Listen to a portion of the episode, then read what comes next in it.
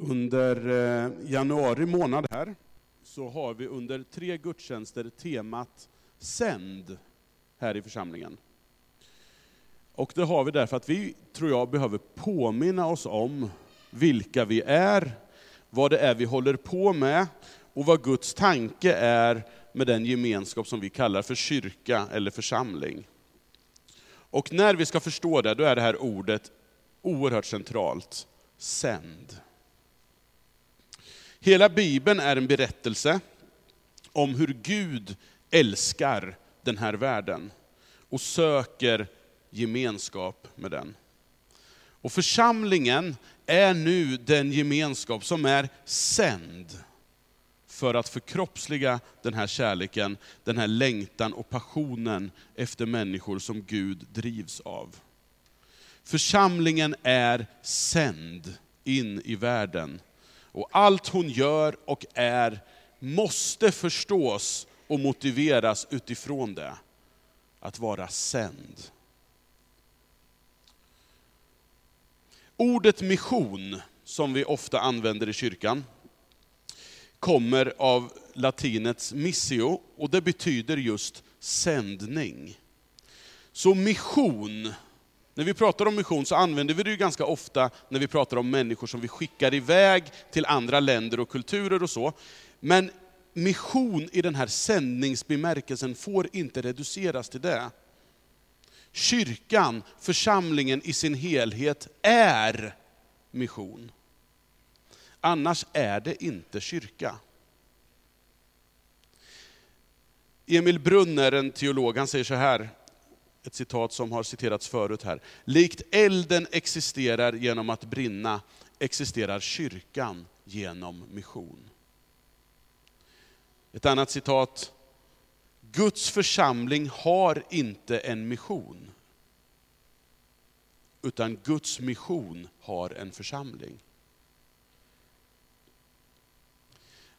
Kyrkan kan inte vara någonting som sen får ett uppdrag att vara lite mission också. Utan Gud vill mission och då skapar han kyrkan. Vad innebär det då att förstå sig själv och leva med den här identiteten som sänd i världen för att vara Guds händer, fötter och språkrör? Och då vill jag ta med er till en märklig berättelse i Apostlagärningarna, där vi genom Paulus och hans följeslagare Silas kan få en bild av vad det här kan innebära. I Apostlagärningarna, som är en bok som är skriven av Lukas, som den andra delen i ett litterärt verk, där Lukas evangeliet är den första, och så kommer Apostlagärningarna som en fortsättning. Och där får vi från det trettonde kapitlet följa Paulus och hans olika medresenärer på ett antal missionsresor, där församlingar grundas och så. Och det som vi nu ska läsa utspelar sig i Filippi. Om ni, det är jättesvårt att se, men om man följer den här gula, som är då den andra missionsresan, så ser man där uppe, Filippi står det där. Där utspelar sig den här händelsen, eh, i norra nuvarande Grekland. Och när de når Filippi, alltså det här är den första församlingen som grundas i Europa, då söker de sig till judarnas samlingsplats, för att där börja berätta om Jesus. Och ganska snart så, så, händer det, så sker det att en ganska framstående entreprenör, gudfruktiga Lydia berättas det om, hon kommer till tro och de får bo hemma hos henne. Och sen så följer snart de här yttre konfrontationerna när Paulus och Silas berättar om Jesus. En slavflicka med en spådomsande berättas det om, känner av de här andliga vibrationerna från Paulus och Silas och går och ropar efter dem i flera dagar. Och till slut så vänder sig Paulus om och så befaller han den här anden att fara ut ur henne och hon blir befriad. Någonting verkar hända, för nu kan flickan inte längre spå.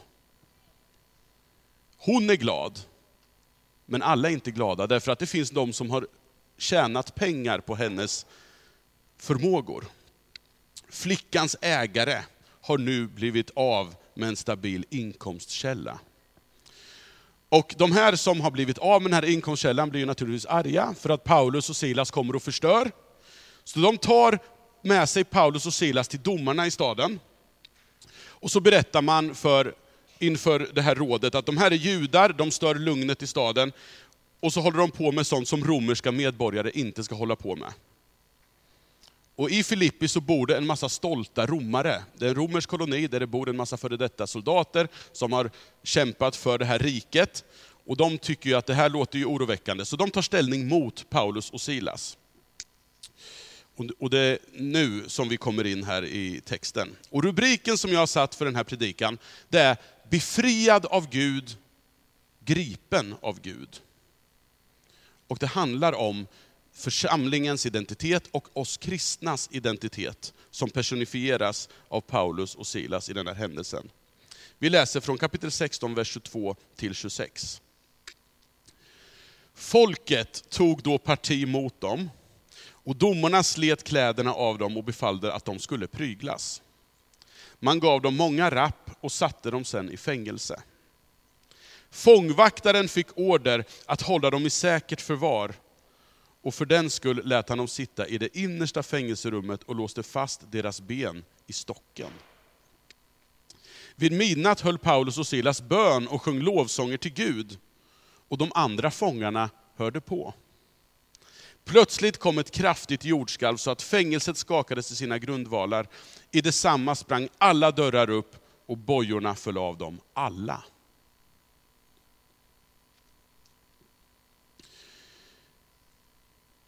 I Apostlagärningarnas nionde kapitel så sker det någonting radikalt med den här personen som vi möter som Paulus i den här texten. Allt han är och gör bottnar i den här erfarenheten han gjorde där och då på vägen till Damaskus. Han som såg sin främsta uppgift i att döda och fängsla kristna, fick smak på Guds förvandlande kärlek. Och i den här berättelsen, där Paulus och Silas på grund av evangeliets befriande konsekvenser och hot mot rådande ordningar, sitter fängslade, så ser vi vad Gud befriar oss från och vad Gud befriar oss till. Paulus och Silas är i grunden befriade av Gud. Även fast de sitter i sina bojor så kan de be och sjunga lovsånger till Gud. De har blivit pryglade, och de sitter fängslade med benen i stocken, vad nu det innebär, och så har de de är inte i en jätterolig situation, men de börjar sjunga lovsånger till Gud. De är liksom gripna, men ändå befriade. Och det som händer där, det är inte ett uttryck för någon hurtfrisk, självuppblåst optimism. Utan det verkar vara ett uttryck för en grundmurad förtröstan på Gud, mitt i lidande och mörker. Oavsett sitt prekära läge, så är de i sanning befriade att se på världen och tillvaron på ett nytt sätt. Oavsett allt så har Jesus segrat. Jesus är universums rättmätige kung. Inte ens lidande, tortyr, ångest och död är längre någonting som kan skilja dem från Guds kärlek i Jesus Kristus för att anknyta till vad Paulus senare skriver i ett brev till de kristna i Rom. Där han skriver att ingenting kan skilja oss från Guds kärlek. I ljuset av uppståndelsen så har världen förändrats.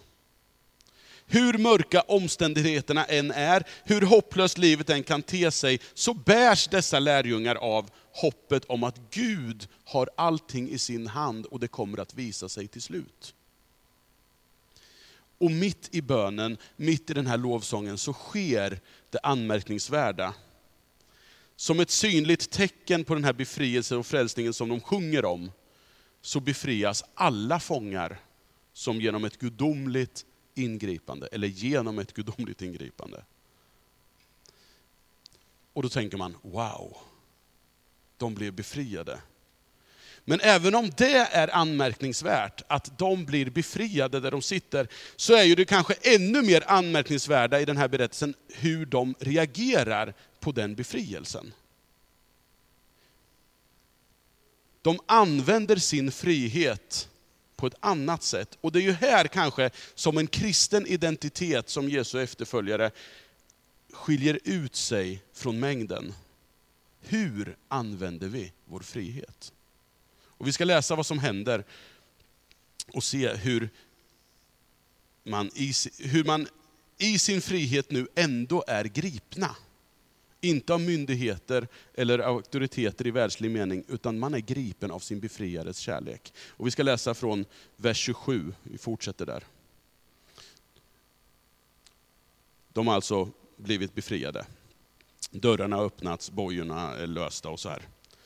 Och så berättas det, fångvaktaren vaknade och när han fick se att dörrarna i fängelset stod öppna, drog han sitt svärd för att ta sitt liv.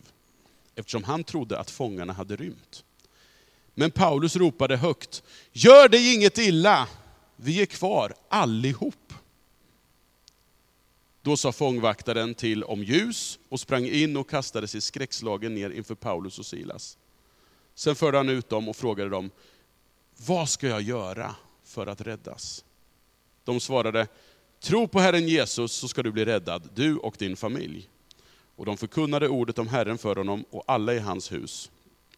Fångvaktaren tog genast hand om dem, mitt i natten, och tvättade såren efter piskrappen. Sen döptes han själv med hela sin familj.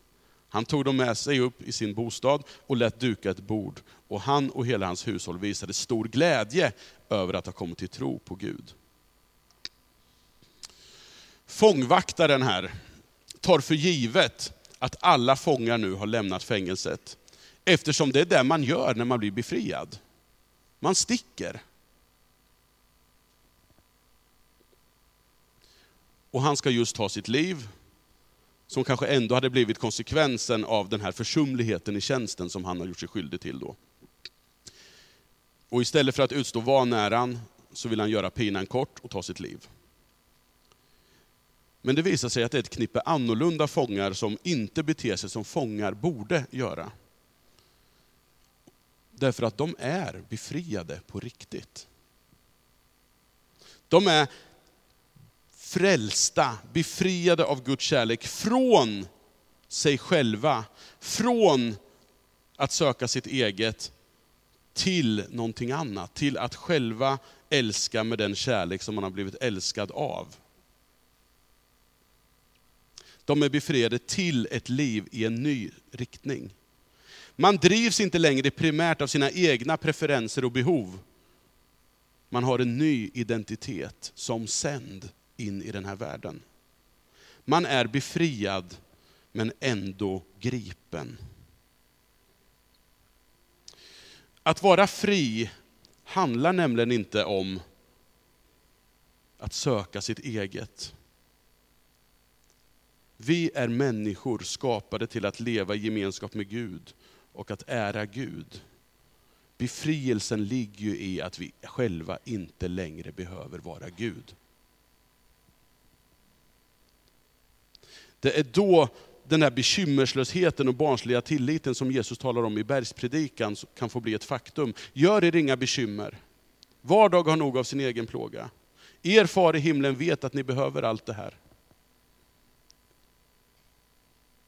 I en sång som vi ofta sjunger och som jag tycker är formulerad så bra, så bekänner vi att det är bara i din vilja som min frihet är. Det som vi kanske skulle uppfatta som ett slaveri, att vara under någon annans vilja, beskriver, beskrivs som själva friheten. Det är bara i din vilja som min frihet är. Befrielsen ligger paradoxalt nog i att vara gripen av Guds kärlek och driven av den. I evangelierna så kan vi läsa om hur Jesus kallar lärjungarna till en ny identitet, som vi såg illustreras så vackert här framme förut. Istället för att fiska fisk så kallas de att fiska människor. Genom att dela med sig av kärlek, nåd, försoning och rättvisa, som de själva har fått del av, så kallas de, och vi, att befria människor till att få samma livsinriktning, att drivas av samma längtan och passion. Som Fadern har sänt mig sänder jag er, säger Jesus till lärjungarna efter sin uppståndelse. Och Det är just den livsinriktningen som Paulus har, och det är därför som han inte har rymt från fängelset, trots att han hade kunnat. Och Det intressanta är att han har fått med sig de andra medfångarna på det här projektet. Nej, nej, vi stannar här så fångvaktaren kan haka på det här. Allihop är kvar, det är ju helt sjukt. Men genom sitt exempel så verkar Paulus och Silas ha gjort också ett outplånligt intryck även på medfångarna, där man sitter i en värdelös situation och sjunger lovsång. Man är så fri att man till och med kan välja att vara kvar. Det är frihet. Och Det här gör också ett mäktigt intryck på fångvaktaren och hela hans familj, så att de tar emot det här budskapet om Jesus och grips av Guds kärlek. Så han lägger om såren efter piskrappen som han förmodligen själv hade gjort sig skyldig till. Och så låter han döpa sig mitt i natten. Ja, det är väldigt märkligt det här. Så nu har även fångvaktaren fått del av den här kärleken och är befriad till att själv stå i den här tjänsten. Att tjäna och älska sina medmänniskor. Så använder alltså Paulus och Silas sin frihet. Och jag tror att det är ett mönster Guds kärlek också vill prägla in i ditt och mitt liv. Inte för att vi måste, då är det inte frihet, utan för att vi blir gripna av Guds kärlek. När Paulus i första Korinthierbrevet 9 beskriver sin tjänst, så är det som att han tänker tillbaka på den här händelsen, när han, när han skriver så här, fri och oberoende av alla. Han betonar det, jag är fri, jag är oberoende av alla. Men då har jag valt att göra mig till allas slav, för att vinna så många som möjligt. För att vinna judar har för dem varit som en jude, och så vidare. Och så konstaterar han, allt har jag varit inför alla, för att åtminstone vinna några.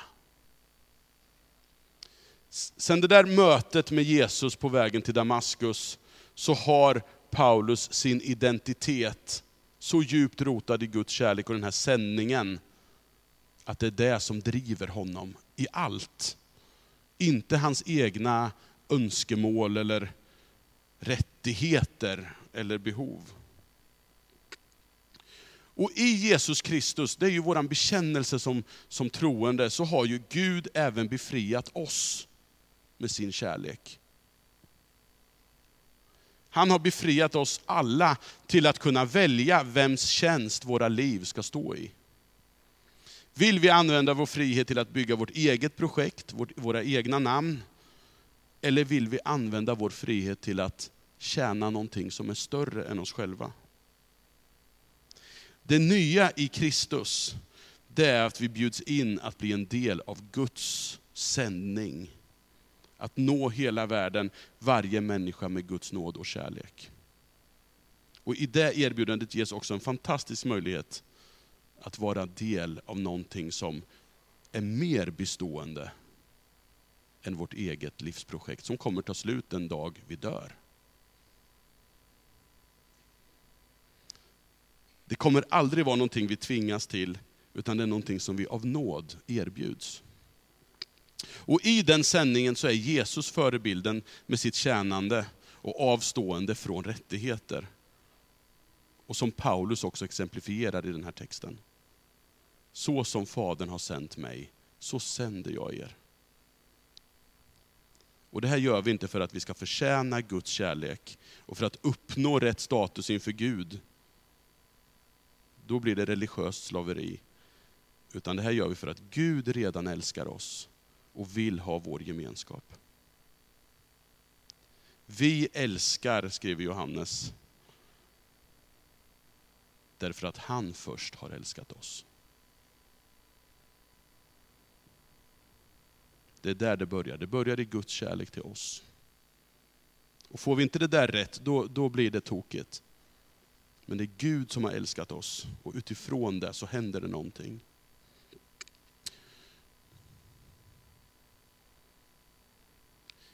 I Filipperbrevet så motiverar Paulus drivkraften i hela sin tjänst utifrån att nu har Kristus fått honom i sitt grepp. Han är gripen. I hans grepp så ser man det inte som ett offer att avstå sina egna rättigheter. Eller att faktiskt anpassa sina egna önskningar efter andra i relationer. Om det gör Gud mer synlig. Då är man beredd att avstå från allt som kan skymma Guds kärlek för den person eller de personer som man har att göra med. Lina Sandell, som har skrivit väldigt många sånger, bland annat den sång vi sjöng innan predikan precis. Hon formulerar det så oerhört bra i den här sången. Jesus för världen givit sitt liv, off, eh, öppnade ögon Herren mig giv. Mig att förlossa offrar han sig då han på korset dör och för mig. Och så i sista versen så beskriver hur, som beskrivs hur hon i ljuset av den här kärleken själv vill älska. Lär mig att leva, leva för dig. Glad i din kärlek. Glad i din kärlek, offrande mig. Inte något offer i någon sorts liksom martyrmening, oh, jag, jag offrar mig.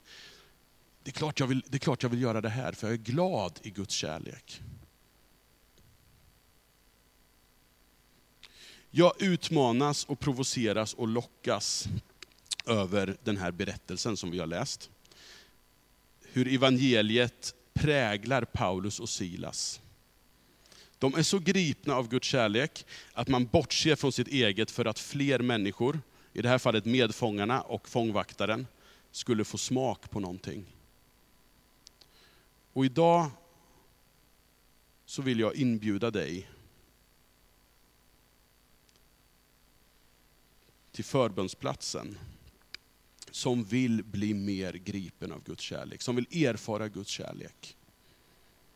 Det kan vara ett sätt att säga, jag vill mer Gud. Då kan det vara ett sätt att markera det och söka sig till förbundsplatsen idag. Så gripen kan vi få bli, att det får konsekvenser i våra val, i både stort och smått. Vi kan få vara kanaler för Guds kärlek till den här världen. Ofta så tänker vi så här när vi pratar om församling och så, att vi bedömer kvaliteten på en församling. Är det här en bra församling? Då gör vi det utifrån hur många som man samlar. Alltså hur många är det som träffas? Ja, oh, de är så många, det måste vara bra. Och det kan ju i och för sig vara intressant att titta på hur många möts till en gudstjänst. Men än viktigare och kanske helt avgörande för en församlings existensberättigande, det är hur många som upplever att man är sänd när man går därifrån.